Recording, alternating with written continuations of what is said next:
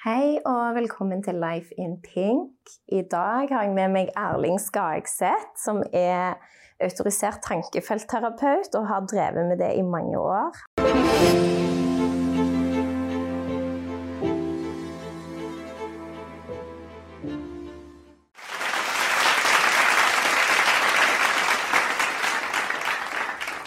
I dag gleder jeg meg sånn til å snakke om tankefeltterapi, fordi litt av målet med denne episoden er å gi kunnskap til de der ute som gjerne trenger litt hjelp til å vite hva alternativer de har til å få hjelp.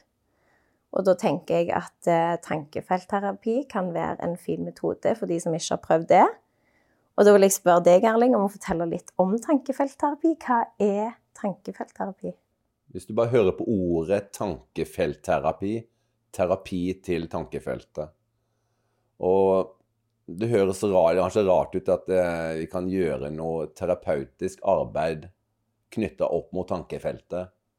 Så jeg prøver å forklare en liten sammenheng, da. Eh, når vi tenker på ting som er eh, OK, nøytralt, så får vi det normalt nøytralt inni oss. Når vi tenker på ting som eh, er kjekke for oss, så får vi det kjekt inni oss. Når vi tenker på triste ting, får vi det triste inni oss. Sånn er normalt det sammenheng. Men så er det sånn at eh, hvis vi har opplevd ting i livet som eh, har mer sånn type traumatisk karakter, ting som er vanskelig Og hvis hver gang jeg tenker på de tingene som jeg har opplevd at det har vært vanskelig, og jeg kjenner på en vond følelse knyttet til dette her, så er det en sammenheng her at jeg er nødt til å tenke på det som er vanskelig, eh, for at det skal sette opp en følelse. Men jeg tenker på andre ting, så får jeg det ok. Så det vil si, det ligger noe i det tankefeltet som eh, setter i gang følelser i kroppen. Det, det er hormonelle, kjemiske, nevrologiske eh, signaler eller beskjeder som går, og da begynner å kjøre systemet. Så måten vi da gjør, eller det vi gjør, vi ber personen i tankefeltterapi Vi må be personen aktivere, tenke på det som er vanskelig. Og så gjør vi vår behandling. Og behandlingen det er Vi tapper på punkter på kroppen. Og det er ikke helt vilkårlige punkter. Det er, eh, det er eh, helt gitte punkter. Det er knyttet opp mot det som jeg heter meridianer. Vi har på en måte energibane i kroppen. Og vi aktiverer med lett fingerbanking disse meridianene i en gitt rekkefølge. Så personen må tenke på det som er, problematisk, og vi tapper på noen punkter i en gitt rekkefølge ut ifra hva på en måte følelsen er, hva følelsen heter. Så hvis det er angst, så vil det være et gitt rekkefølge. Hvis det er mer mot sinne, så vil det være en annen rekkefølge. Hvis det er mer mot tra traumer og traumatisk karakter, så vil vi ha en annen eh, tappingsekvens. Og forhåpentligvis, og vi ser utrolig ofte og utrolig raskt, at eh, følelsen dropper fort. Så de personen tenker på det som er ubehagelig, det som, som er på en måte problematisk, som er vondt. Så det vil si, tankefeltet innstilles på, på dette. Knyttet til dette tankefeltet så settes det opp da, eh, vonde følelser i kroppen. Og vi stimulerer medianene, og ofte ser vi da at følelsen dropper. Det er på en måte den korte forklaringen. Eh, en litt mer avansert forklaring, da. Når vi tenker, så vet vi at det lages tankebølger. Og på de tankebølgene så inneholdes det frekvenser, og det er informasjon. Helt normalt. Så er det sånn at teorien til Roger Callan, som da oppdaget og lagde denne her terapiformen tidlig på, på 1980-tallet, slutten av 79-80, eh, eh, postulerer følgende at eh, eh, på disse her tankefeltene, når det når en person opplever noe som er traumatisk, noe som er vanskelig, så, eh, så eh, skjer det en frekvensforstyrrelse i tankefeltet. Med det som menes, det er at eh, det er et lite skur, en frekvensforstyrrelse, som da skaper da dette ubehaget. På samme måte som hvis du, hvis du hører på radioen, og du hører på et eller annet, og det er veldig god lyd, og så skjer det et lynnedslag eller en eller annen forstyrrelse, en rystelse, som gjør at eh, det skjer en bitte liten vridning, og det kalles en frekvensforstyrrelse, som da gjør plutselig at du opplever skurr på den radioen. Så det er utrolig lite skal til fra at det var da en klar, god lyd som gir en helt OK følelse, til at du får dette skurret. Og det skurret i seg selv som er med å sette i gang disse nevrologiske og hormonelle reaksjonene som gjør at du kjenner på da følelsen av om det er sinne, frustrasjon, angst osv. Og det vi da, Når vi tapper på disse punktene på meridianene, så skjer det da en frekvensjustering. Dvs. Si, akkurat som vi fininnstiller radio. Vi skjer på en rolig tuning. Vi tuner litt, og så får vi klar lyd igjen. Mm. Litt mer dramatisert forklaring. Men man kan jo ikke bevise dette her sånn. Eh, det er ingen som kan bevise at sånn er sammenhengen. og Det er umulig å måtte konstruere noe sånn at uh, Jeg kan ikke sette opp noen blind-studie på dette her sånn. Mm. Men sånn som jeg ser det, med min bakgrunn som geofysiker uh, fra Universitetet i Bergen for lenge, lenge tilbake Jeg er veldig opptatt av årsak-virkning. At ting er en sammenheng.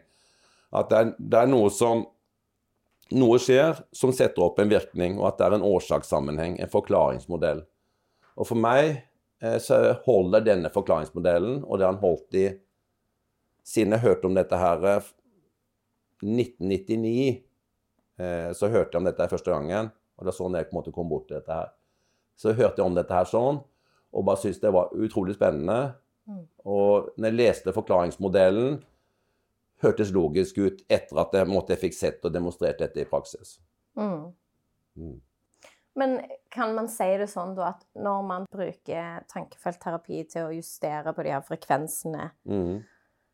Altså hvis du tenker da sånn som du sier med en radio, hvis den plutselig begynner å skurre liksom sånn sant? Og det er jo da den her traumen eller opplevelsen mm. som man har. Så når man da tar og begynner å teppe, da på en måte justerer den seg til en klarere lyd. Er det sånn da at man får det litt mer på avstand? For det er jo ofte sånn at når man får en ubehagelig følelse, så kan det være vanskelig å tenke logisk. Mm -hmm. mm. Så litt av målet med tankefeltterapi òg er vel det at man på en måte klarer å ta litt avstand fra det som er ubehagelig òg. Ja.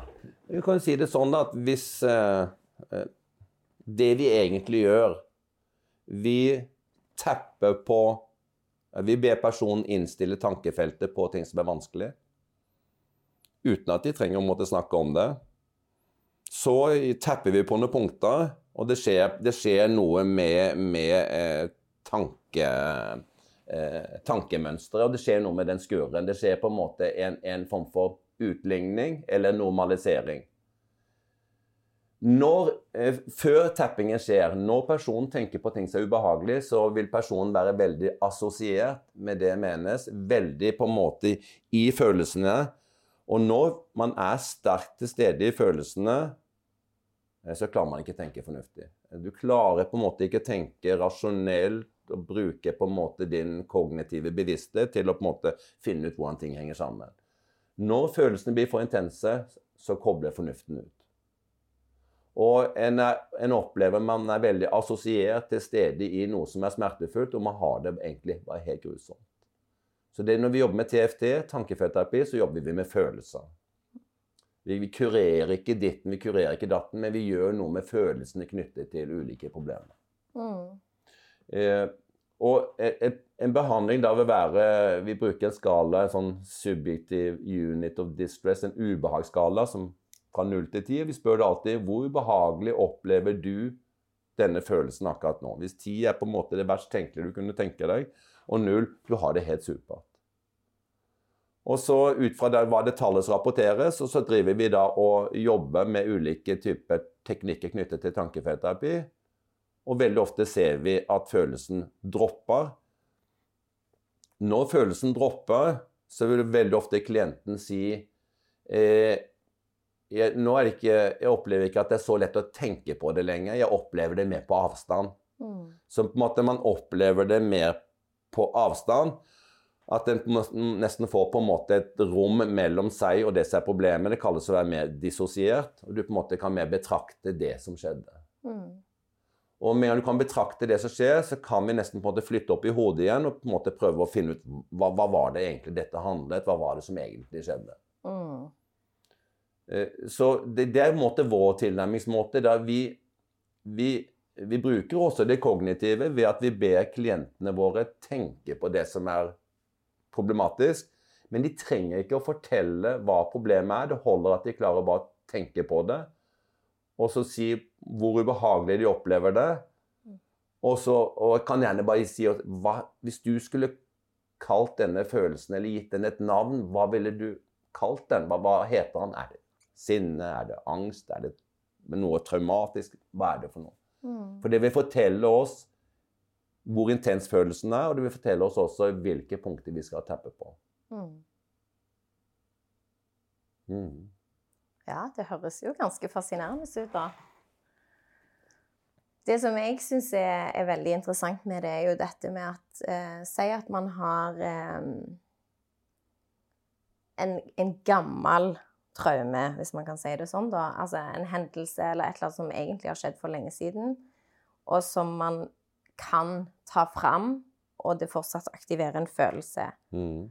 Det er ikke noe du gjerne går og tenker på til vanlig, men, men det har på en måte ikke blitt helt eh, Hva skal man si Man har gjerne ikke behandla det skikkelig.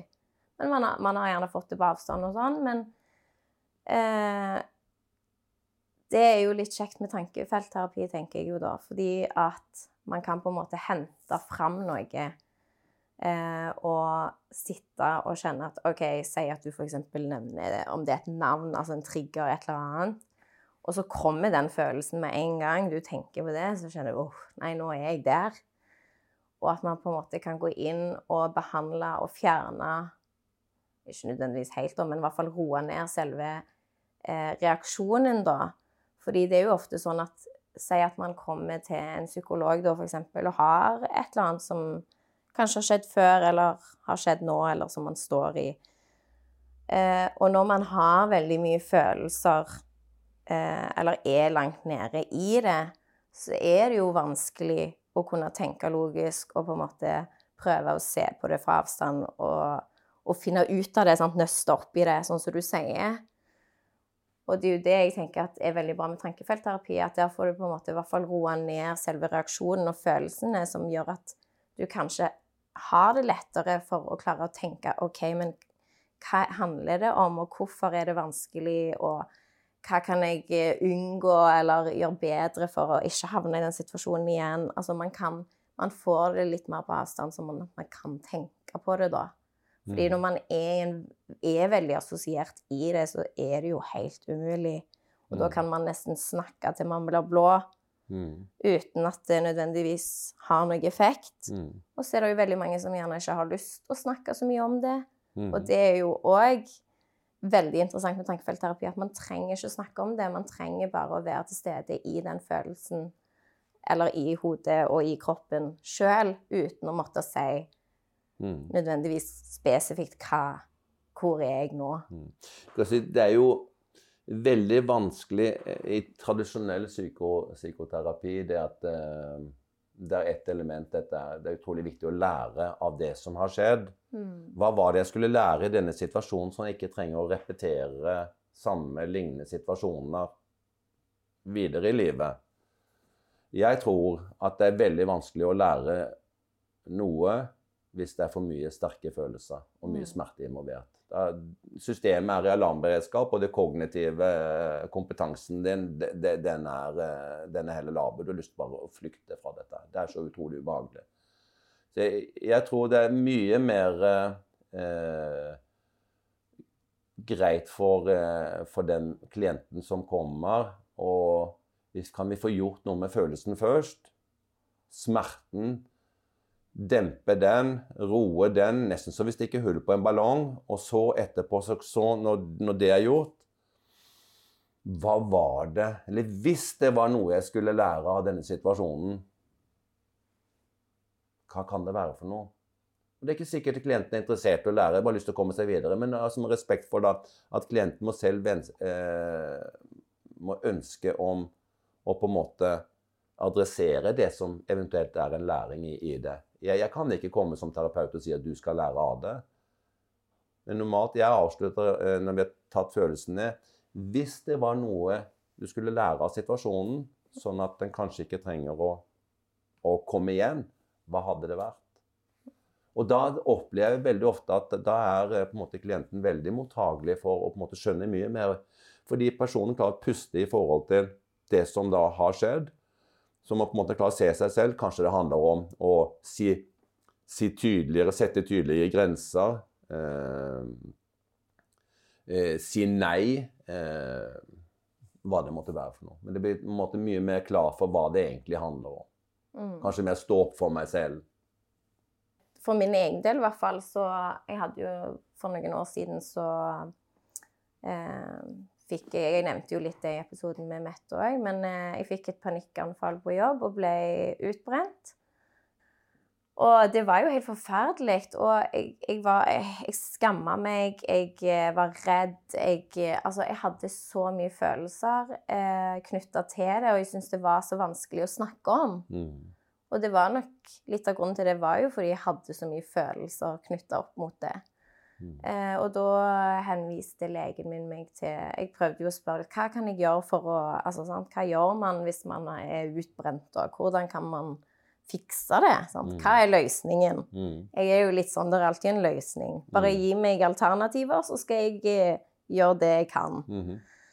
Eh, og da var vel Det svaret jeg fikk, var at ja, du kan gå til psykolog. Mm. Og det var det. Mm. Ja, OK, da får jeg gå til psykolog, da. -hmm. Um, og da hadde jeg begynt jeg i Det er jo kognitiv terapi hos en psykolog. Jeg gikk vel der i ett og et halvt år. Og hver gang jeg gikk ut fra den timen, så var jeg så forbanna at det ødela resten av dagen min. Og litt av grunnen til det var jo at jeg syns jeg ble spurt så mange dumme spørsmål. Uh, jeg følte meg ikke trygg, hadde ikke lyst til å åpne meg opp. Psykologen opplevde nok at jeg åpna meg, men ikke Jeg klarte jo ikke å si det jeg virkelig følte, og hvordan jeg virkelig hadde det, fordi det var veldig sårt. Mm. Og når jeg på en måte hadde kanskje et konkret eksempel, det var nok kanskje litt en test òg, så spurte jeg gjerne sånn OK, si at en av de tingene jeg syntes var vanskelig, da var dette her med at jeg fikk veldig store reaksjoner, altså følelsesmessige reaksjoner. Og si hva, hva kan jeg gjøre i, den, i, en sånn situasjon? Nei, det må du være nysgjerrig på, sier han. For jeg bare sånn Tror du ikke jeg har vært nysgjerrig på det 10 000 ganger? Jeg klarer jo ikke det når jeg holder, altså, kroppen min sitter og dirrer, mm. liksom. Mm.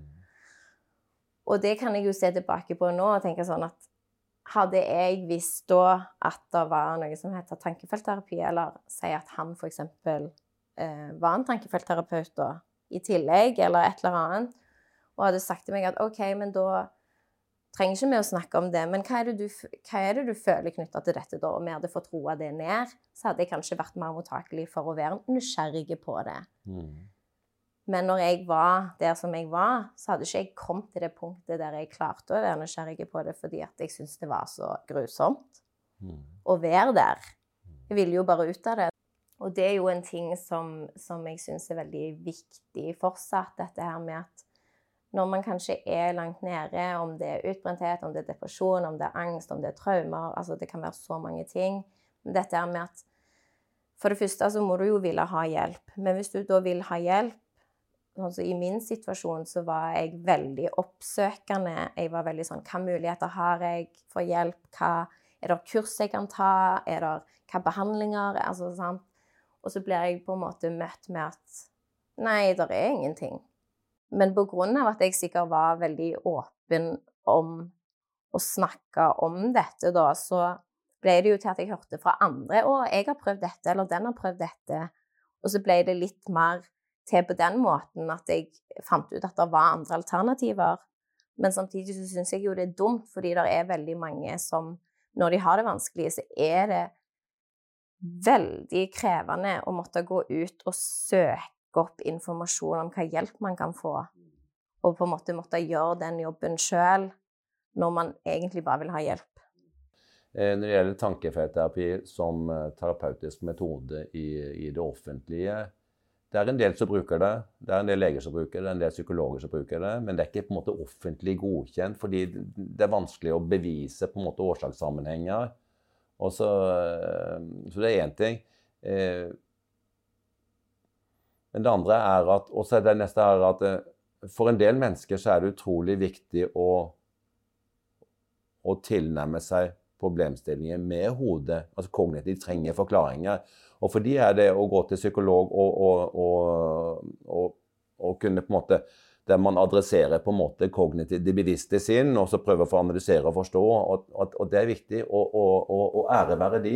Ja, ja, ja. Eh, og, og, det er kjempeviktig. De gjør en fantastisk jobb, øh, psykologistanden vår. Absolutt. Men vi er jo forskjellige. Ja, vi, vi er forskjellige. Jeg, jeg, jeg, ser en utfordring hvis psykologene ikke på en måte punkterer følelser først. For, for en del mennesker så er det utrolig slitsomt for disse her.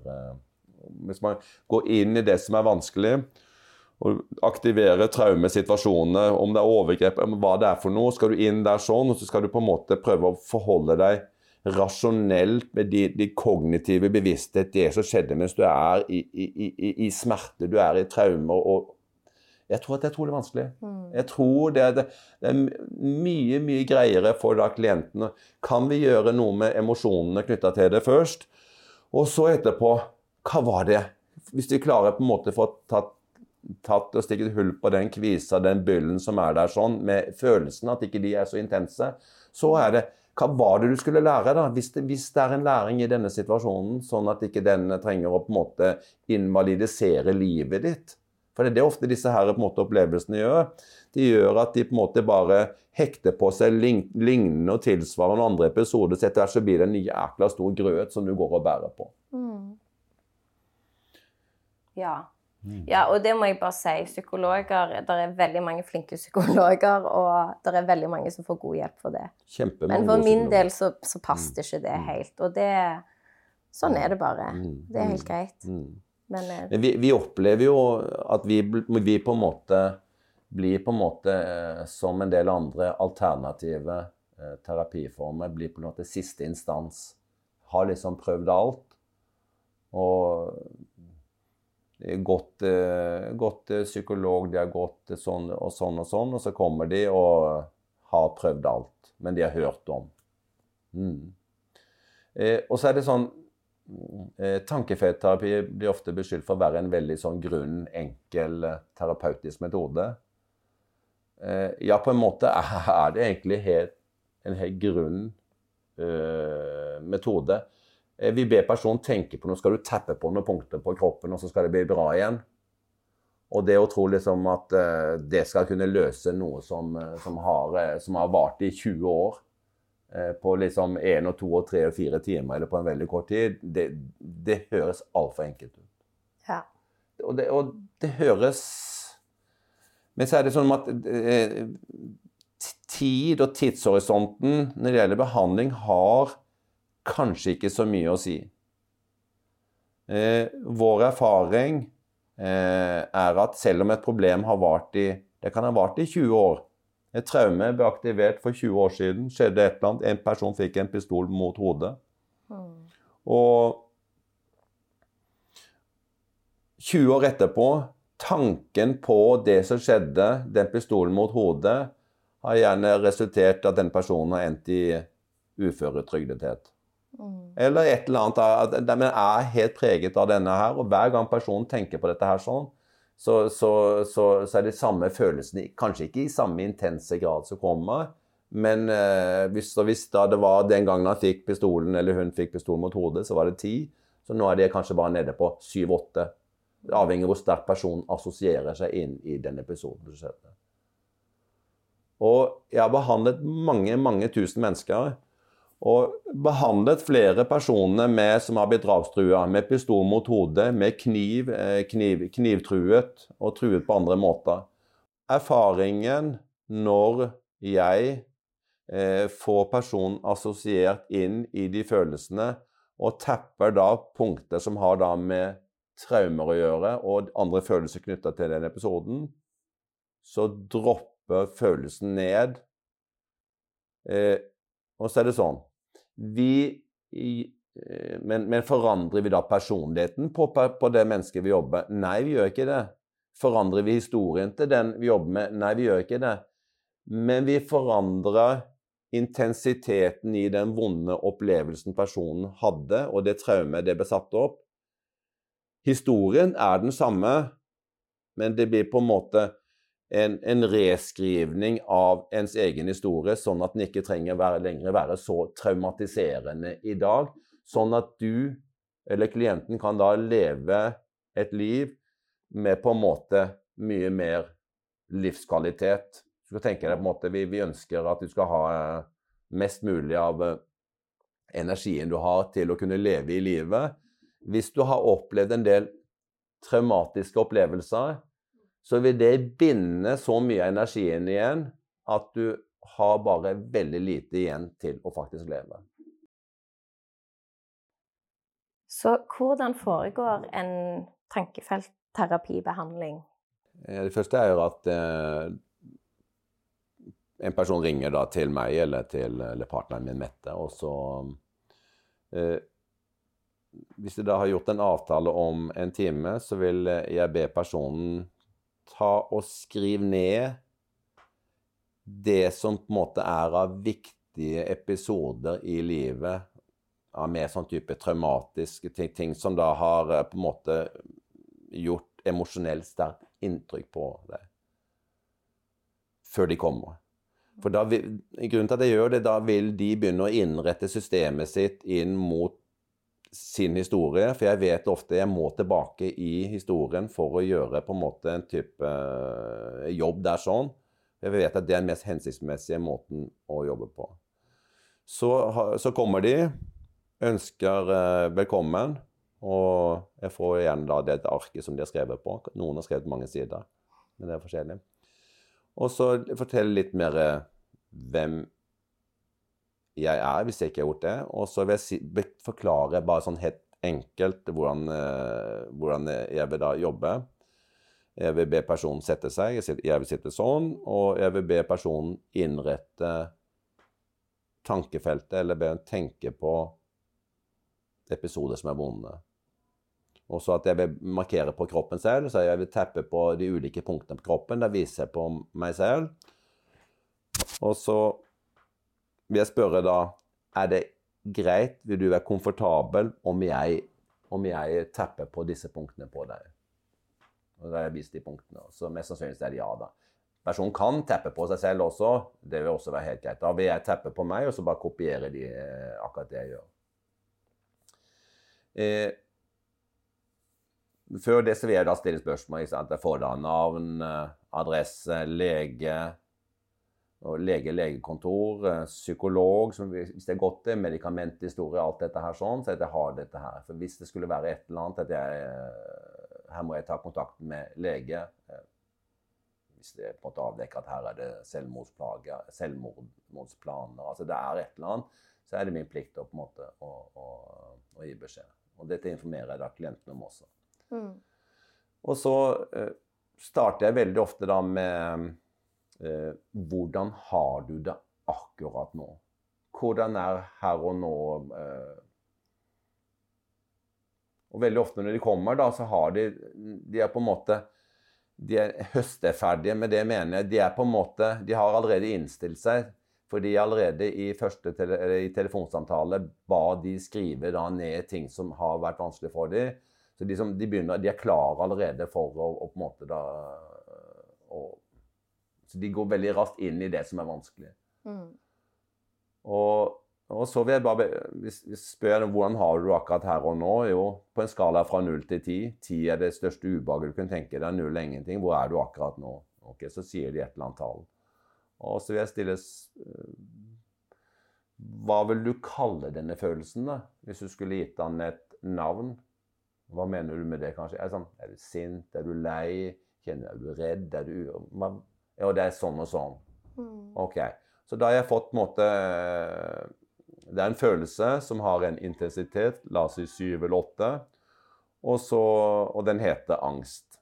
OK. Så da vil jeg starte å tappe på eh, fire punkter på kroppen. Jeg starter teppet på øyenbrynspunkt, under øyepunkt, under armpunkt, og vi kaller det for et kragebeinspunkt på undersiden av kragebeinet inn mot brystbeinet. Vi tapper 50-10 tapp i denne rekkefølgen. Og avslutter å tappe på, på, på hånden mellom, på over, oversiden av hånd, i den gropa mellom lillefinger og, eh, og ringfinger. Mm. Mens jeg ber personen tenke så intenst, og være så intenst til stede i den følelsen personen er i akkurat nå. Jeg vil også da spørre på en måte hvor i kroppen er det personen da kjenner denne her følelsen. Og så kan det hende at det skjer noe, eller kan det hende at det ikke skjer noe. Veldig ofte ser vi at bare ved å tappe på de punktene 30-40-50% av tilfellene så vil følelsen allerede nå droppe. Hvis jeg da på en måte har avdekket det var angst, og da stemmer da denne her sekvensen vil den stemme i 30-40 av tilfellene. Mm. Og kanskje han dropper da fra syv til eh, fire. Ofte ser vi at de detter. Det er ikke syv, eh, seks, fem, fire. Det går i et kvantesprang. Syv, fire, to, én, null eller et eller annet sånt. Følelsen bare detter. Og så vil jeg da ta og teppe disse følelsene ned til eh, ja, 0, 1, 2. Altså spør, hvis, gjerne, ø, ø, ø, hvis de sitter igjen med en følelse av, som er på en toer, så spør jeg er det greit å ha følelsen på en toer, eller er du lenger ned? Skal vi se om vi klarer å få det til. Og vi kom ned da til akseptabelt nivå, og så stiller jeg spørsmålet eh, Hvordan har du det nå i forhold til det som var tematikken? Jo, nå opplever jeg det Kanskje de trekker på en måte sånn type pust. Jeg opplever litt mer på avstand. Og så kommer på en måte, Jeg alltid ha et sånn type læringselement i det. Med det mener jeg Hvis det var noe du skulle lære av denne episoden, eller av, det, av den følelsen av det som ligger der, hva handler det om? Hva, hva kan tematikken være? Sånn at når du fremover i livet møter situasjoner som ligner på, som trigget den gamle følelsen, ikke lenger trenger å trigge deg. Fordi du har lært. Hva kunne det vært? Hva kan det være for noe? Og så kanskje plutselig så er det noen som slår inn da hos denne klienten. Eller det er bare sånn Jeg vet ikke. Så er det sånn det er. Og, og ofte kan det være sånn at vi starter ved å jobbe med én følelse, og så detter den ned kanskje fra syv, fire, to, bang, og så kommer det opp åtte. Og ofte hvis du kan tenke deg på en måte du har en sånn type glasskrukke med en litt smal tut, og så ligger det nedi denne her, inni denne her glassbeholderen så ligger det et sett med følelser. Kommer det én følelse opp, da sitter den som en propp. Og ofte når da disse klientene kommer, så vil de ikke ta fram den verste følelsen først. De tar fram liksom en testfølelse. Akkurat nå kjenner jeg på sånn og sånn. Men veldig ofte er det ikke på en måte hovedgrunnen til at de kommer. Det ligger noen greie ting under. Enten at de vet det selv, eller bare at den ligger under, men man popper opp allikevel. Eh, det er, jo, det er jo for da at de skal skåne seg selv. Da. Så, men de, de tar en, en sånn oppvarmingsfølelse, og så behandler vi den. Så kan det kanskje komme en større følelse. Og jeg kjenner på en enorm skamfølelse, en enorm skyldfølelse, en enorm følelse av et eller annet, fortvilelse, som er ti. Mm. Og så, og så kan jeg gjerne stille spørsmål hvor gammel, du når, hvor gammel får du opp at du er når du kjenner på denne følelsen? Eller når var første gangen du kjente på denne følelsen? Og Grunnen til at vi spør om eh, når var første gangen til at du kjente på denne, eh, kjente på denne følelsen, det er Kan vi tracke, kan vi finne på en måte den bakenforliggende årsaken til at noe skjedde, og behandle den følelsen. Og vi kan ta intensiteten i den følelsen ned fra 10 til 0, 10 til 1, 10 til 2. Så var det jo den følelsen som er opprinnelsen til veldig mange av de påfølgende episodene og hendelsene og Vi ser da effekten av å behandle den, så blir det som at det er et sett med dominobrikker. som står på en måte etter hverandre. Når, når vi tipper den over, så ser vi bare at det er et tog med dominobrikker som bare kollapser og faller. Og så spør vi da inn om episoder som har vært andre episoder. Hvordan er de nå? Og så blir da personen Vi er på tankene sine. Eh, tenker rundt ting som har vært ubehagelig, problematisk. Veldig ofte vil de da oppleve at det er faktisk ikke så ille som det alltid har pleid å være. Mm. Og da har du dette sprøet at Jeg eh, snakket litt tidligere om dette med at det er en veldig grunnteknikk. altså Det er en veldig enkel teknikk. Men her ser vi at eh, i løpet av utrolig kort tid så kan vi punktere en følelse som er gammel. Den kan være 20 år gammel, den kan være 30 år gammel. Han kan være så gammel at du hadde ikke egentlig kontakt med han, kanskje ved to, tre, fire, fem år eller et eller annet sånt. Der første gangen opplevde du en følelse av ensomhet, eller hva det måtte være for noe. Og når vi får på en måte punktert den følelsen, smerten og den, det ubehaget i den episoden, kanskje forlatthet Du står der og, og henger, i en, henger, i en, lekegren, og, så, og, så, og henger der sånn, og rett ved siden av kjøkkenet, og så slår døren til kjøkkenet igjen, og du står der helt alene, og så føler du deg totalt ensom og forlatt i livet. Du er ett og et halvt år gammel, to år gammel. Så, men det som egentlig er tilfellet, det er at det er mamma eller pappa som står ute på kjøkkenet og lager den deiligste eh, smoothien til denne her lille barnet sitt, og bare elsker barnet overalt på denne jord. Mens den, for denne her lille gutten eller jenta som da står og klamrer og hyler 'mamma, pappa' og helt totalt forlatt, og det er på en måte det første traumatiske sporet satt i dette lille kroppen. Føler meg helt alene i verden. Mm. Og så er vi konstruert på en sånn måte at når vi har opplevd noe som er traumatisk, så vil vi identifisere lignende episoder framover i livet, og ja, som da gir en bekreftelse på at sånn er det. Og jeg føler meg helt alene. Og så får man gjenkjenne episoder, og så blir det et sett, et mønster, at du har på en måte, du er overbevist om at du er alene i, i verden kan vi da punktere den følelsen og utfordre den overbevisningen som du har hatt med deg da fra du er en ett og et halvt år, eh, til at den eh, faktisk ikke har samme på en måte generende kraft over deg lenger, så kan dette skje like raskt som hvis du tar på en måte en, en grein, og så begynner du å bende den, og så du bender sånn at den knekker, at det skjer da på en måte en, eh, en plastisk deformasjon. Du får ikke den greina tilbake til utgangspunktet. Det har skjedd en endring. Istedenfor hvis en bruker terapi der en tar litt om gangen, du bøyer den greina, og så går man ut, og så går denne greina tilbake til utgangspunktet. Og du har egentlig ikke eh, fått gjort noe med den opprinnelige årsaken til, til uh, smerten, til problemet. Kanskje blir enda verre ved at du blir enda mer skjønner hvor fucka du er i, i, i, huet ditt, i systemet ditt. ikke sant? Og du blir enda mer klar over hvor alene og vondt det er. Det var smertefullt. Mm. Ja, og det kan jo ofte være en utfordring å vite hva som er Sånn som du sier, det er jo litt Det med å på en måte vite hva som er roten. Mm. Og det syns jeg er veldig fascinerende, sant? når du kan på en måte si det på den måten òg. At OK, når er første gang du kjente den følelsen? Mm. For da vil man veldig ofte kanskje klare å svare på det. I motsetning til type sånn OK, men har du opplevd noe traumatisk når du var liten? Ja. Altså alt det der. Ja.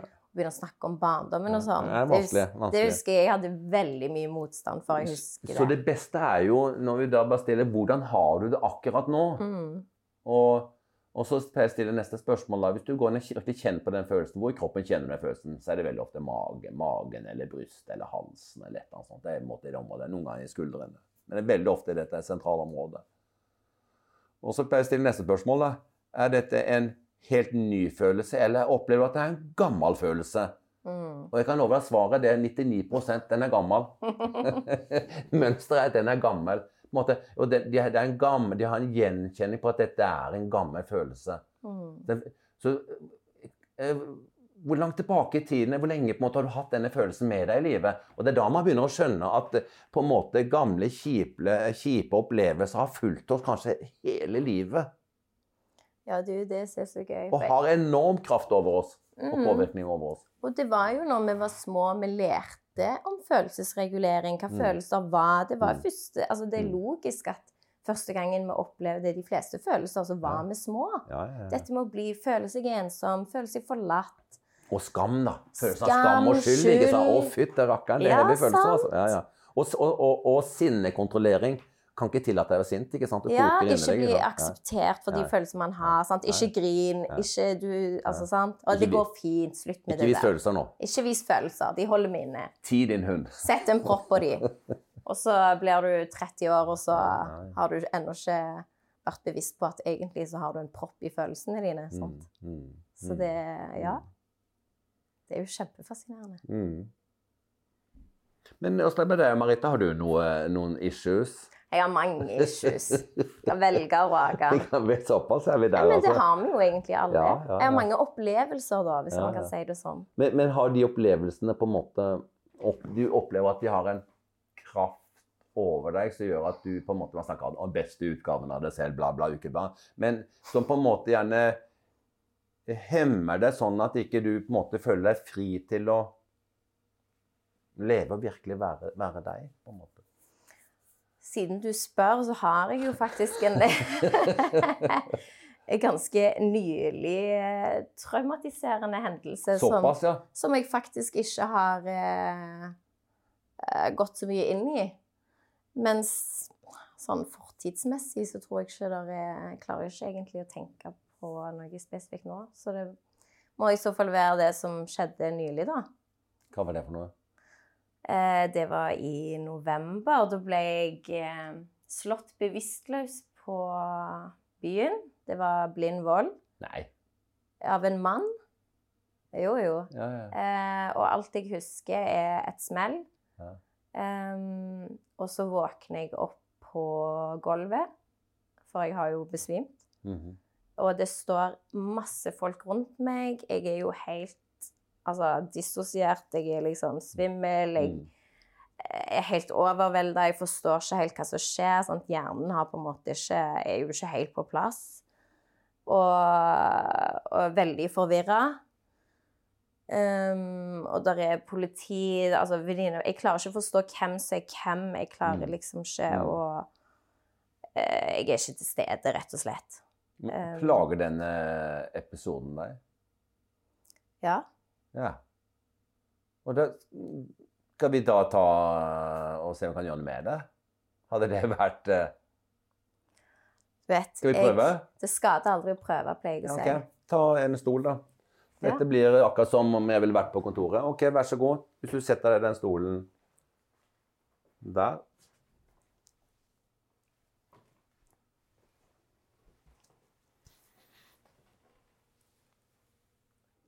Ja.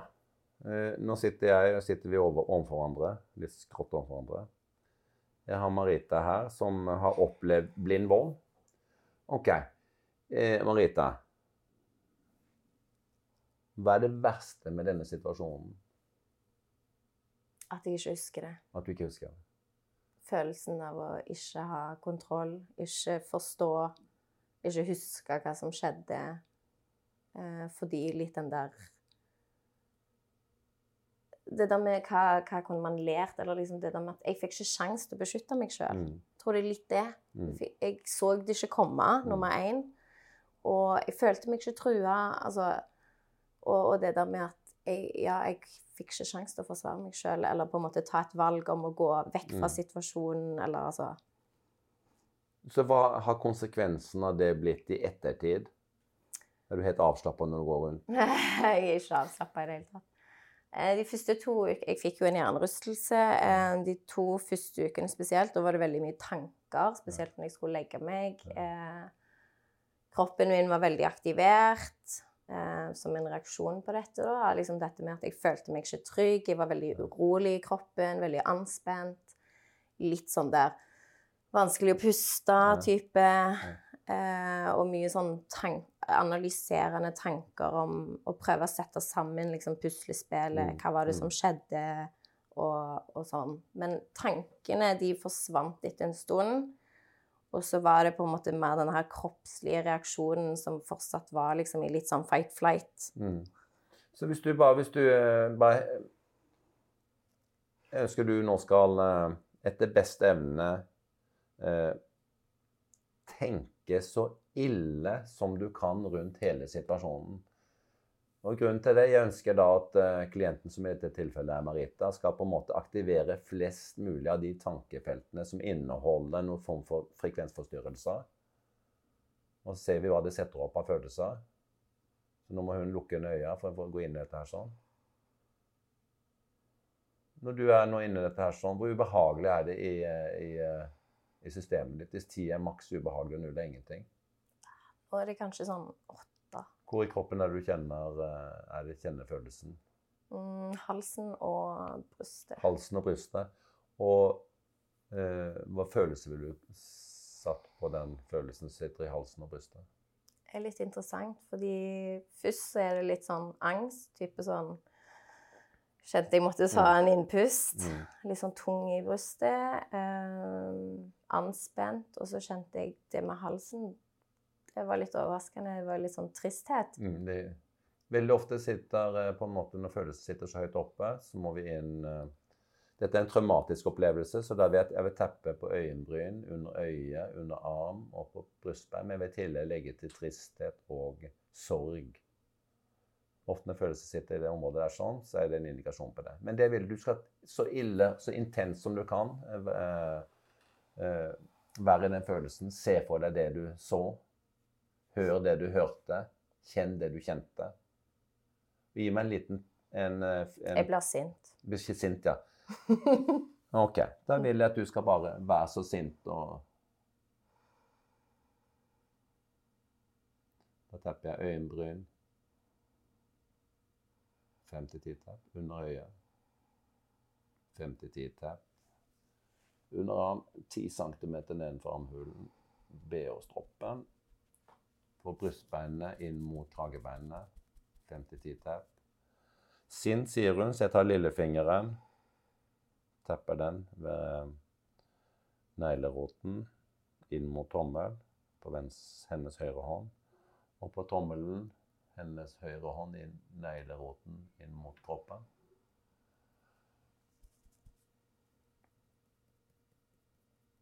Nå har jeg teppet på en måte det som er en hovedsekvens, og vil spørre da hvordan er det akkurat nå?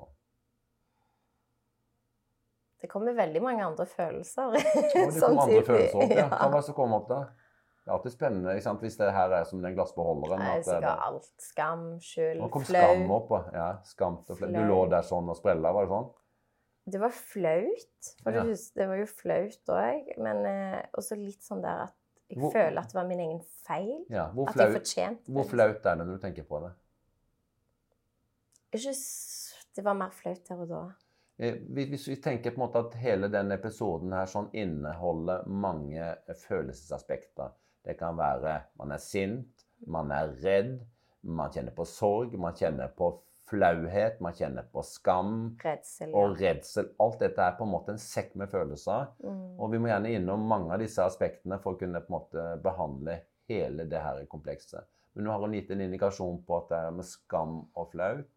Så da vil jeg be henne bare Det kan du gjøre det selv. Tapp under nesen mens du tenker på det. Tenk hvor flaut det er. Og så tapper du på haken. En gang til. Under deg, ja. Det er på under nesen, på leppen, også haken. Supert.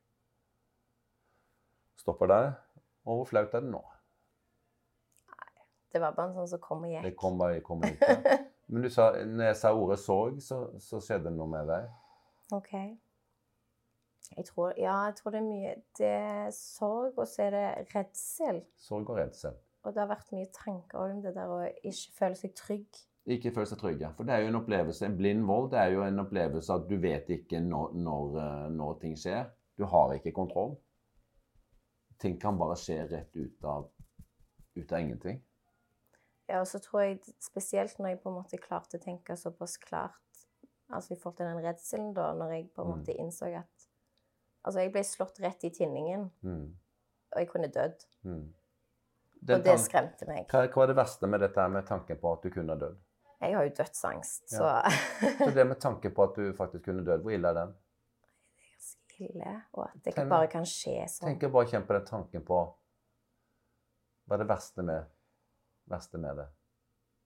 Hei, det er jo at jeg kan bli slått ned uten å vite det og dø. Ferdig. Ja, hva er det verste med at du kan ha slått ned og så uten å vite om det, og så bli ferdig?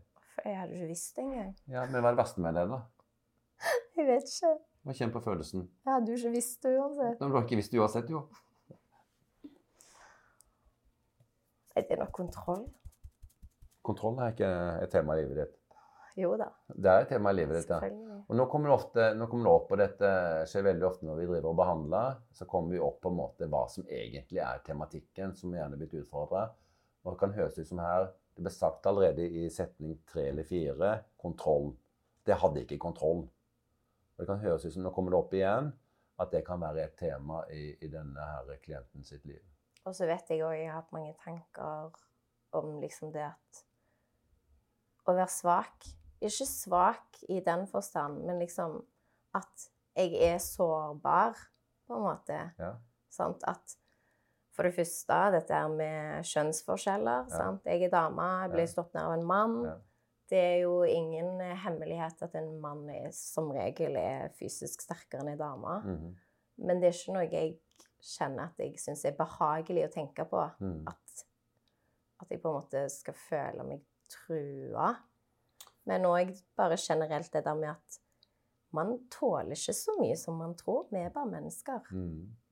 Man går gå ut døra og få en stein i hodet, liksom. Mm, mm, Man kan jo ikke mm. tenke på det, for da, Mm. man må jo leve. Men, men når du får en sånn hendelse, så tror jeg det er naturlig at man har litt sånne tanker. da.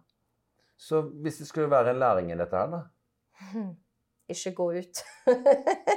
Ja, men, men da er jo den at det, eh, hvis læringen da var ikke gå ut, ja, skal du bare lime deg fast inne, da, låse døra, ikke sant? For da, da, da, er, du, da er det en episode som er utrolig ubehagelig. Mm. Og hvis den resulterer i at vi bare barrikaderer oss, eh, så, så vil jo den begrense oss og hemme oss i livet. Ja, og det, heldigvis så klarer jeg jo å tenke såpass logisk at jeg tenkte det skal ikke skje. Jo, men hadde du vært ekstremt, et, et, et Ja. menneske som har vært ekstremt kunne blitt invalidisert av dette her, sånn og faktisk faktisk forblitt hjemme, og det har vi sett eksempler på, Mm. som er faktisk så traumatisert eh, rundt en sånn hendelse at de klarer ikke å komme seg ut av hjemmet.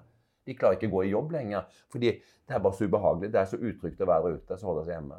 Du er ikke jeg, der, altså? jeg, jeg var jo Jeg isolerte meg jo i sikkert tre uker. Ja vel, ok, hvorfor tror du? Ikke sant? Nei, jeg vet jo. Så, men hvordan er det nå? Nei, nå er det greit. Men du sa rett før vi begynte sendingen Men jeg er litt det- paranoid. At du er litt paranoid, ja. Du kikker litt rundt skulderen.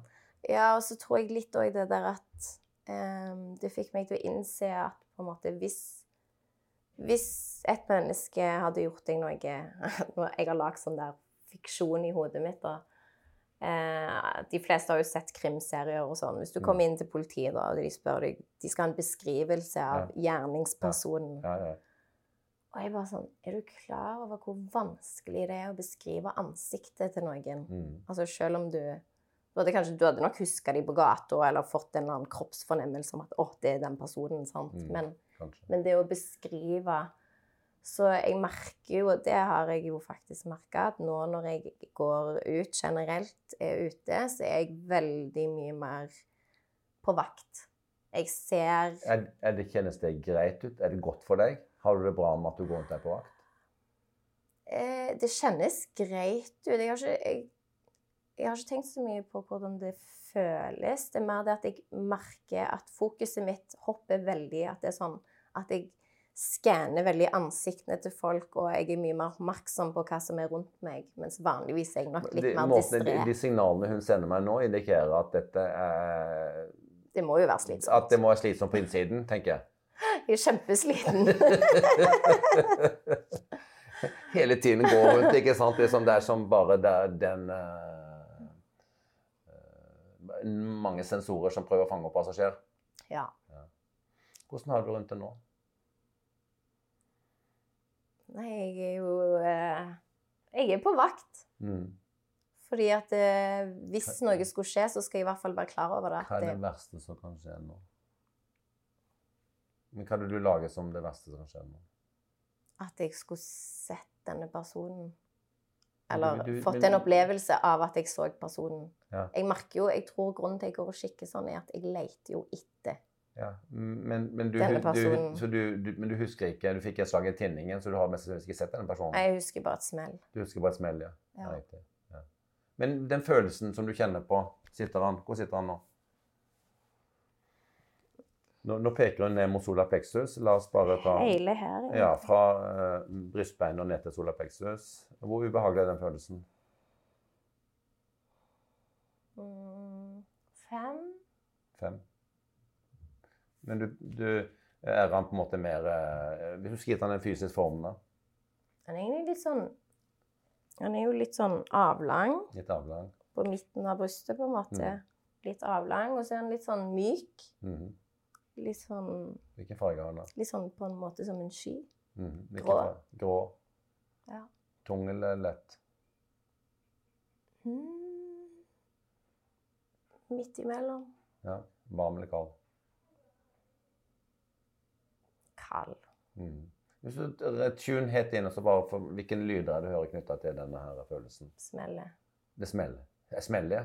Så bare hør smellet. Du hører det smellet. Hører du stemmer òg? Nei. Du hører smellet. Jeg hører kun smellet. hør smellet. Du hører smellet, og denne her eh, grå, eh, avlange som sitter fra solar plexus og opp til, litt opp i brystbeinet.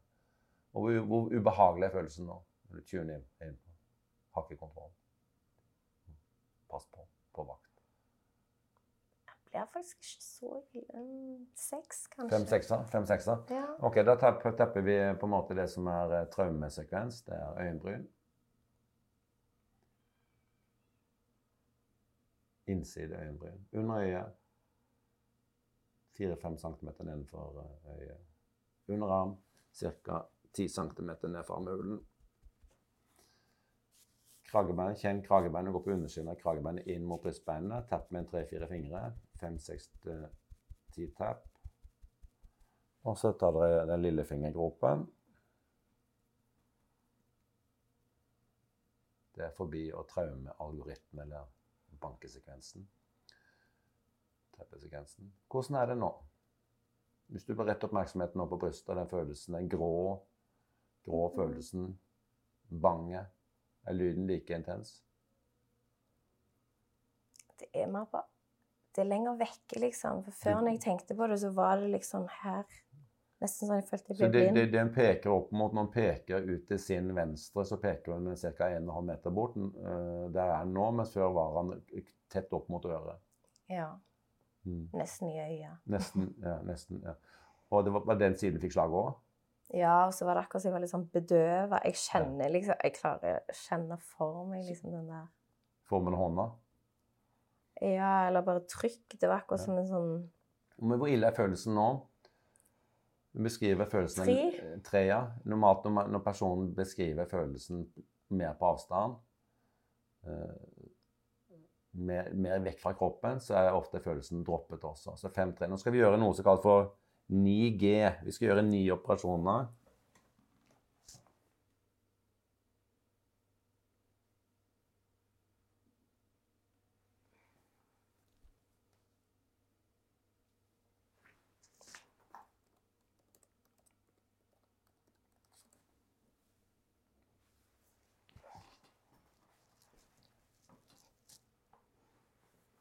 Vi skal gjøre nye operasjoner. Og jeg vil teppe i det her eh, kalt for gammelpunktet, det som er lillefingergropen. Det gjør jeg med min ene hånd. Og så vil jeg be hun eh, Marita, klienten der, gjøre de forskjellige ting. Tenk så ille som du kan på det som eh, var tematikken. Denne her øh, slaget mot tinningen mot øh, siden. Og, og kjenn på følelsen som sitter midt nede i brystet. Nå skjedde det noen der, ja. Eh, OK. Ta og, mens du tenker så ille som du kan på det, så tar du og åpner øynene. Lukke, åpne. Kikk ned til venstre. Kikk ned til høyre. Nå holder jeg fingeren opp. Nå skal du følge eh, Blikket ditt skal følge min finger. Jeg tenker at du har en finger foran ansiktet ditt, og jeg fører den nå fra Tenk klokken åtte hele veien opp til klokken 12, og helt ned til klokken 3-4, og så tilbake igjen 4, 3, 2, 1, 12, 11, 10, 9, 8. Supert. Mens du tenker så ille som du kan på dette så teller du høyt til fem. En, to, tre, fire, fem. Og så nynner du. La, la, la, la, la. Og teller en gang til, til fem. En, to, tre, fire, fem. Supert. Så vil jeg teppe denne her eh, sekvensen jeg hadde i sted. Øyenbryn. Under øyet. Under arm. Brystbein. Og lillefingergrov. Hvordan er det med den følelsen som du eh, kjente på i sted fra solarplexus opp til brystbein? To. På hvilken måte har den endret form nå, da, siden han gikk fra fem til tre til to? Det har gått mer opp i halsen. Ja, du har tatt dette halsen nå to ganger. Er er formen den samme? Nei, den er mer sånn Punkt. Ja, mer sånn Med som et punkt spiss, ja. Eh, Og fargen? Svart. Svart, ja. Gått fra grått til svart. Og Ja. Følelsen er to, eller er mer intens? Når jeg ser på deg, så ser han ut som han er høyere. Mm. Ja, den i brystet er to. Den Ja. i halsen er Er, er det samme følelse, eller en annen følelse? Nei, det er en annen følelse. Det er ofte det. Og måten du beskriver følelsen på, så er det helt tydelig at det var en annen følelse som kom inn der. Vi skulle satt navnet på den følelsen som, du, som manifesterer seg midt i eh, Nesten på rett på adamseplet eller på, i det området der. Ja, strupen. Strupen, ja. Strupholdet. Mm. På hvilke Hva er eh, Hvor, hvor, hvor ubehagelig er den? Seks, syv. Hva handler den om? Det er en helt annen følelse. Nå kommer det noen følelser i øynene her, ser jeg. Mm. Vet du hva det er? Det er ikke sikkert du har kontakt med det ennå. Av og til kommer det ting opp som nå eh, klienten her ikke har kontakt med hva er for noe. Men det er helt tydelig at eh, det gjør noe med systemet. Eh, Så helt tydelig det skjedde noe i, i ansiktet. Ble litt mer fuktig i øynene. Det var helt tydelig. Mm. Som satte i strupehodet. Ned mot halsgropen i det området der. Se om det skjer noe med den følelsen nå.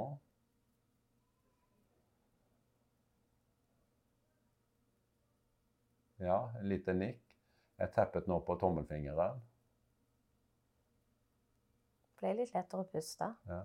Litt lettere å puste. Tepper jeg på punkt som handler om sorg, knyttet opp med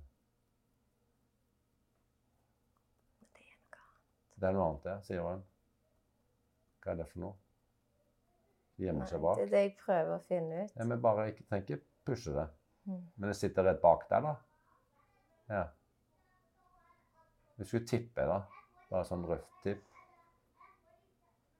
Mm, jeg vet ikke, men jeg føler det har noe med respekt å. Altså et eller annet sånn Jeg føler meg krenka, Mm. kanskje. Krenka, ja. Ja. Kjenn på den følelsen av å krenka. Ta det helt inn og bare være krenka. For det er jo det du har blitt. Det ble den gangen. Men, men det er jo en helt ny følelse. Det har du aldri opplevd før. ikke sant? En følelse av å bli krenka. Det er jo en helt ny følelse ikke sant, for deg. Nei. Og akkurat Nå er vi kanskje ved nøkkelen på noe. Man blir behandla for noe, og så kommer det opp, og så er det noe som da ligger bakenfor. En opplevelse av å bli krenka. Og det er jo det denne episoden representerer. Det, det er å bli krenka. Ikke sant? Noen har krenka deg, på en måte gjort noe med deg som, som eh, eh, ikke var greit i det hele tatt. Mm. Men så kommer opp til deg. Nå er første gang på en måte, eller følelse tidligere i livet der du opplevde du blir krenka. Kan det ha vært i, i forhold til uh, forhold man har vært i, i forhold til familie, far, mor, sånne type ting. Alle de tingene. Eh, Nå var det noe med nikking her sånn. En markant nikking. Helt tydelig at det har vært tema i livet. Mm. Å være krenka. Mm. Ja. Og da er jo spør- hva, hva, eh, hvis, hvis temaet da er å være krenket, å bli krenka Hva var det Mari, Marita skulle lære den gangen, da? Hvis det skal være noe læring knytta til dette med temaet er krenket? Jeg ville jo sagt at generelt, og det har jeg faktisk jobba med òg, så er det jo det å faktisk stå for seg sjøl og gi beskjed og sette grenser. Oh. Men i denne situasjonen så fikk jeg jo ikke en sjanse til å beskytte meg sjøl i noen selvs Ikke sant? Ja. Og òg så tror jeg det handler litt om Jeg prøvde egentlig ikke å gå for mye inn i de tankene, for da blir jeg så sint. Men det der med Det kommer litt det der med å være svakere kjønn, da. Ja, ja. Dette med ehm, Ja. Skulle være født mann, du, da? Ja, at liksom, Det er jo ingen som syns jeg er skummel, på en måte. Altså Nesten sånn Jeg skulle ønske at eh, kanskje jeg ble opplevd som en trussel istedenfor Ja, du- som du- et lett offer. Så du har lyst til å gå rundt og bare føle deg som at du er en trussel? Nei, egentlig ikke. Men jeg tror nok det er noe med det at, ja, at jeg har en følelse av at jeg ble sett på som et enkelt offer, eller liksom Altså, jeg er jo en liten dame. Men når du var i en episode eh, For meg høres det ut som nesten blind vold. At du, det er en eller annen syk type som bare en eller annen grunn bare mosa til. Mm. Kanskje for at du gikk deg i pink, jeg vet ikke. Ja, jeg vet ikke, jeg. Et eller annet. Men så, så kan, kan vi så kan vi, jeg, Marita eller jeg, Erling, på en måte lage en veldig historie da, at sånn og sånn koker koke veldig mye suppe på den spikeren. Det kan være en sånn sammenheng òg, hvis vi på en måte betrakter det fra at jeg kan bety det betyr at jeg var sånn og sånn. Mm. Eller bare at jeg, jeg faktisk ble utsatt for blind vold. Eh, forhåpentligvis er ikke det noe man opplever som dagligdags. Det er ikke som å pusse tenna. ikke sant? Mm. Eh, det opplever man, skal man bare gjerne oppleve en gang i livet. ikke sant? Eller hvis man opplever det. ikke sant? Og så punktum med det. Men jeg tror det handler Det er litt dypere enn det. Det er Oh. mer det at Hvis jeg hadde havna i en situasjon, da Altså, jeg hadde jo ikke hatt sjans. Nei, selvfølgelig ikke. Men, men det er kanskje poenget å ikke havne i den slåsskampen. Men, Selvfølgelig. og- og- og- Men det kan man jo heller ikke Ja. unngå, tydeligvis. Nei, men det er utrolig mange ting man øh, øh, jeg, jeg tror ikke det er vanlig at kvinner havner i, i, i slåsskamp med menn. Eh, Jeg har, jeg har hørt veldig sjelden om det. ja, jeg har i hvert fall veldig lite lyst til det. Nei, det, det, det tror jeg ikke det er mange som har lyst til. Jeg er ikke så veldig fan av vold. Men, men det har jo gitt meg en sånn følelse av at, jeg, at kanskje jeg trenger å lære meg eh, teknikker eller måter til å kunne forsvare meg sjøl i tilfelle jeg havner i en sånn situasjon. For det Mm. handler jo om min trygghet, å Ja. føle meg mer Mm. trygg i meg sjøl. At OK, hvis jeg havner her, så har jeg kanskje teknikker som kan hjelpe meg til å i hvert fall ha en større sjanse. Men at du da skal kunne da lære deg om det er noen selvforsvarsteknikker, sånn at, eh, sånn at du kan i hvert fall eh, håndtere veldig mange situasjoner. Mm. Og så at det vil gjerne gi deg en, en større følelse av indre sikkerhet, trygghet. Mm. Og den, den smitter. Altså det, det, er, det er Hvis en kjenner at en står støtt og sender et signal om at en på en måte er trygg, så gjør det noe med hvordan man virker på omgivelsene. Mm. Så hvis det skal være en læring i dette her, da, hva, hva er det for noe? da? Og nå kommer vi liksom tilbake til det læring, men liksom, så det da å jobbe ned på en måte intensiteten i følelsene, sånn at det går an å på en måte kanskje med Hvis det er noe læring, og det er helt tydelig at dette her med, med å øh, ikke bli respektert, Mm. det er et helt tydelig tema Mm. som er, eh, har vært gjennomgående. Vi kan bli respektert av andre. Mitt neste spørsmål er da hvor, hvordan er selvrespekten? For det er jo da enda mer spennende, ikke sant? Jeg har veldig høy selvrespekt. Ja.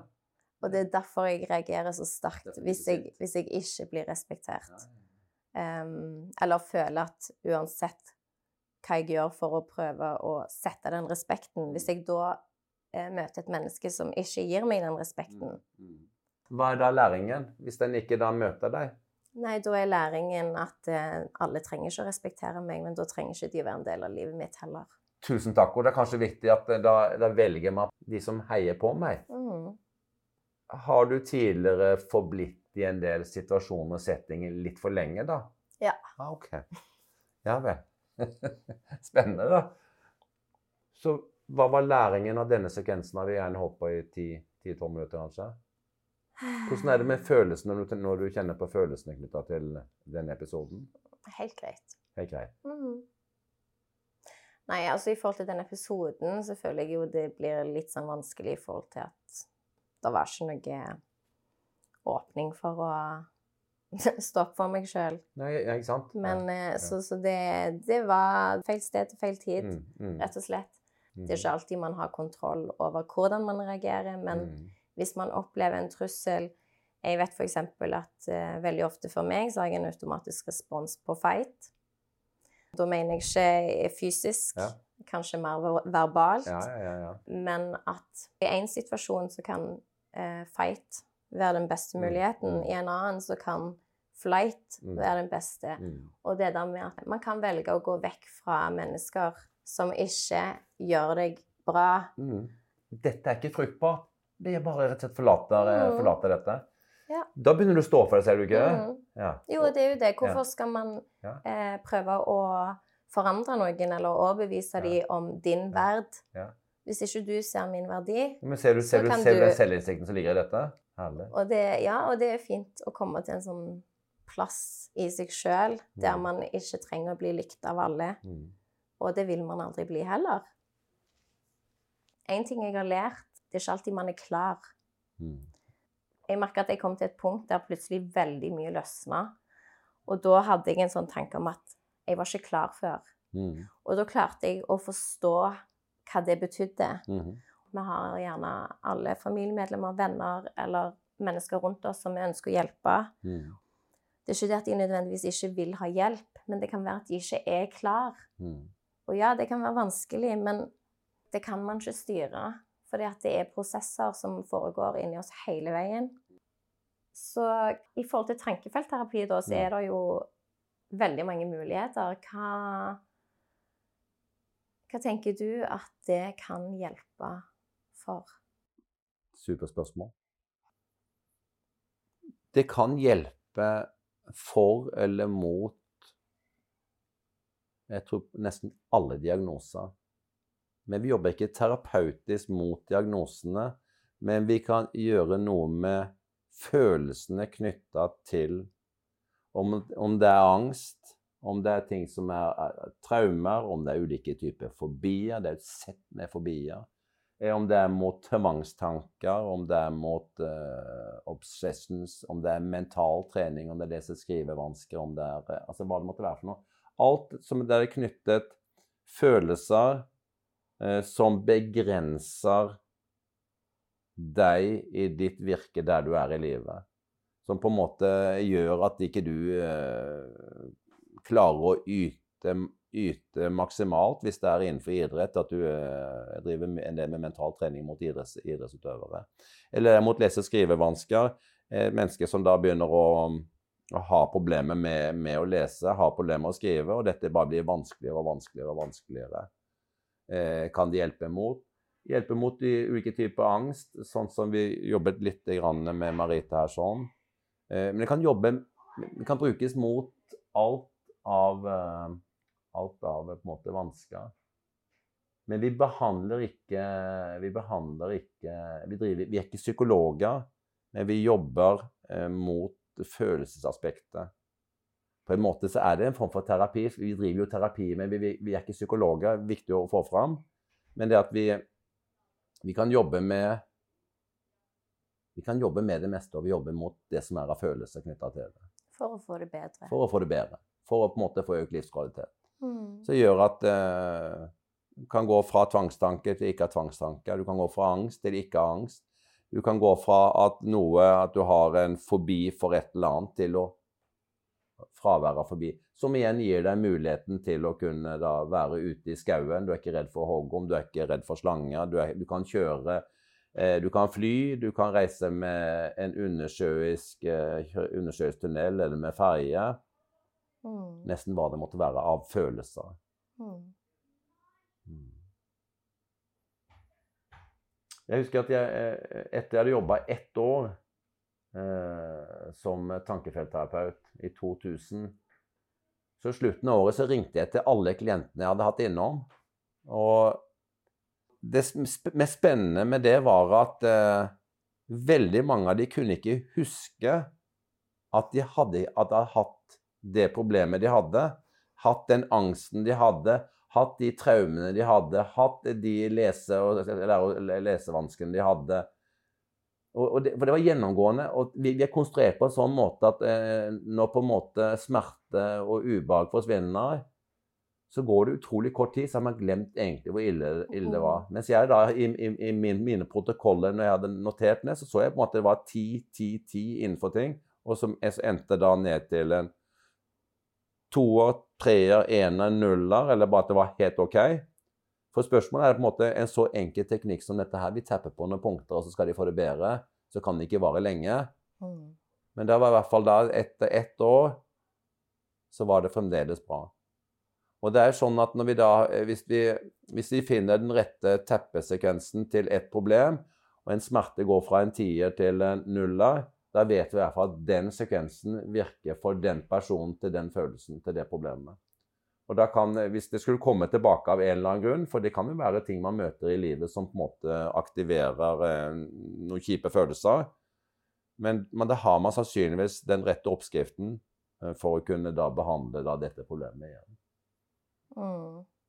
Det er jo helt fantastisk. En, en, annen ting som kanskje vi må bare som, ha som når vi begynner å nærme oss avslutning, det er at man trenger ikke å måtte fortelle Kom, altså, jeg må jeg snakke om uh, problemet? ikke sant? Kanskje så skamfullt, det er så flaut, jeg vet ikke helt hva.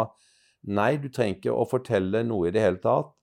Det eneste, eller det viktigste, det er at, eh, det at, at du klarer å tenke og sette deg inn i de situasjonene som er ubehagelige, og kunne på en måte angi hvor ubehagelig du syns det er.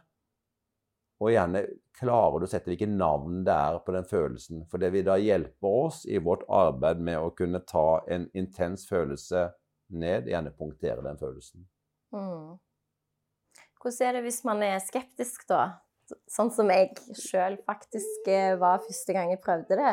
Ja, men Du var sikkert like skeptisk som det jeg var. Jeg tenkte dette er, Det høres jo helt fjernt ut at man skal kunne tappe på noen punkter på kroppen, og så skal du bli kvitt et problem som har, har vart i ett år, ti år, 20 år, 30 år. Mm. Det, det, er, det, er, ikke logisk i det hele tatt. Eh, men for meg, da, etter å ha behandlet mange tusen mennesker, og etter eh, første samling når jeg tok uh, min utdanning innenfor dette her, så ser jeg på en måte at det virker og virker og virker. og virker. Jeg, jeg kan ikke tro at det virker, men klientene rapporterer det igjen og igjen og igjen. Og jeg har også opplevd på, på, på egen kropp uh, at uh, det virker på meg òg. Så man trenger ikke å tro på det? For... Nei, du trenger ikke tro på det i det hele tatt. Fordi uh, det har ikke noe å si om du tror på det eller ikke tror på det. Det bare virker. Det bare virker. Så du kan være så skeptisk du bare vil, egentlig. Og det er jo enda kulere. Ja. Eh, det, det, man, man, man, vil gjerne da si på følgende måte Du vil høre følgende utdannelse. Det vil være eh, Ja, men det var ikke så ille, egentlig. Det var, e, det var egentlig ikke så ille, får vi høre. når de fem minutter tidligere rapporterte at det er en tier, og, og det, er tårer, det, er, det, er tårer, som kommer, og det, er bare, de er helt satt ut. For de er så skeptiske at de skal ikke innrømme at nei, det fungerer? Nei, selvfølgelig ikke. ikke for, det, for, det, er jo helt ulogisk at du skal teppe på noen punkter på kroppen, og så skal du få det bedre. Ja. Mm. Ja, men da tror jeg vi må runde av. Mm. Veldig kjekt å snakke om tankefeltterapi. Ja. Veldig kjekt å få komme her og så prate med deg, Marita. Men det er det alltid. Så bra. Yes, så da håper jeg at dere har fått noe ut av denne episoden. Og hvis det er noen spørsmål, så må dere gjerne legge inn en kommentar. Og så bare følg med videre, så får vi se hva som kommer neste gang. Mm. Ha det bra. Ha det.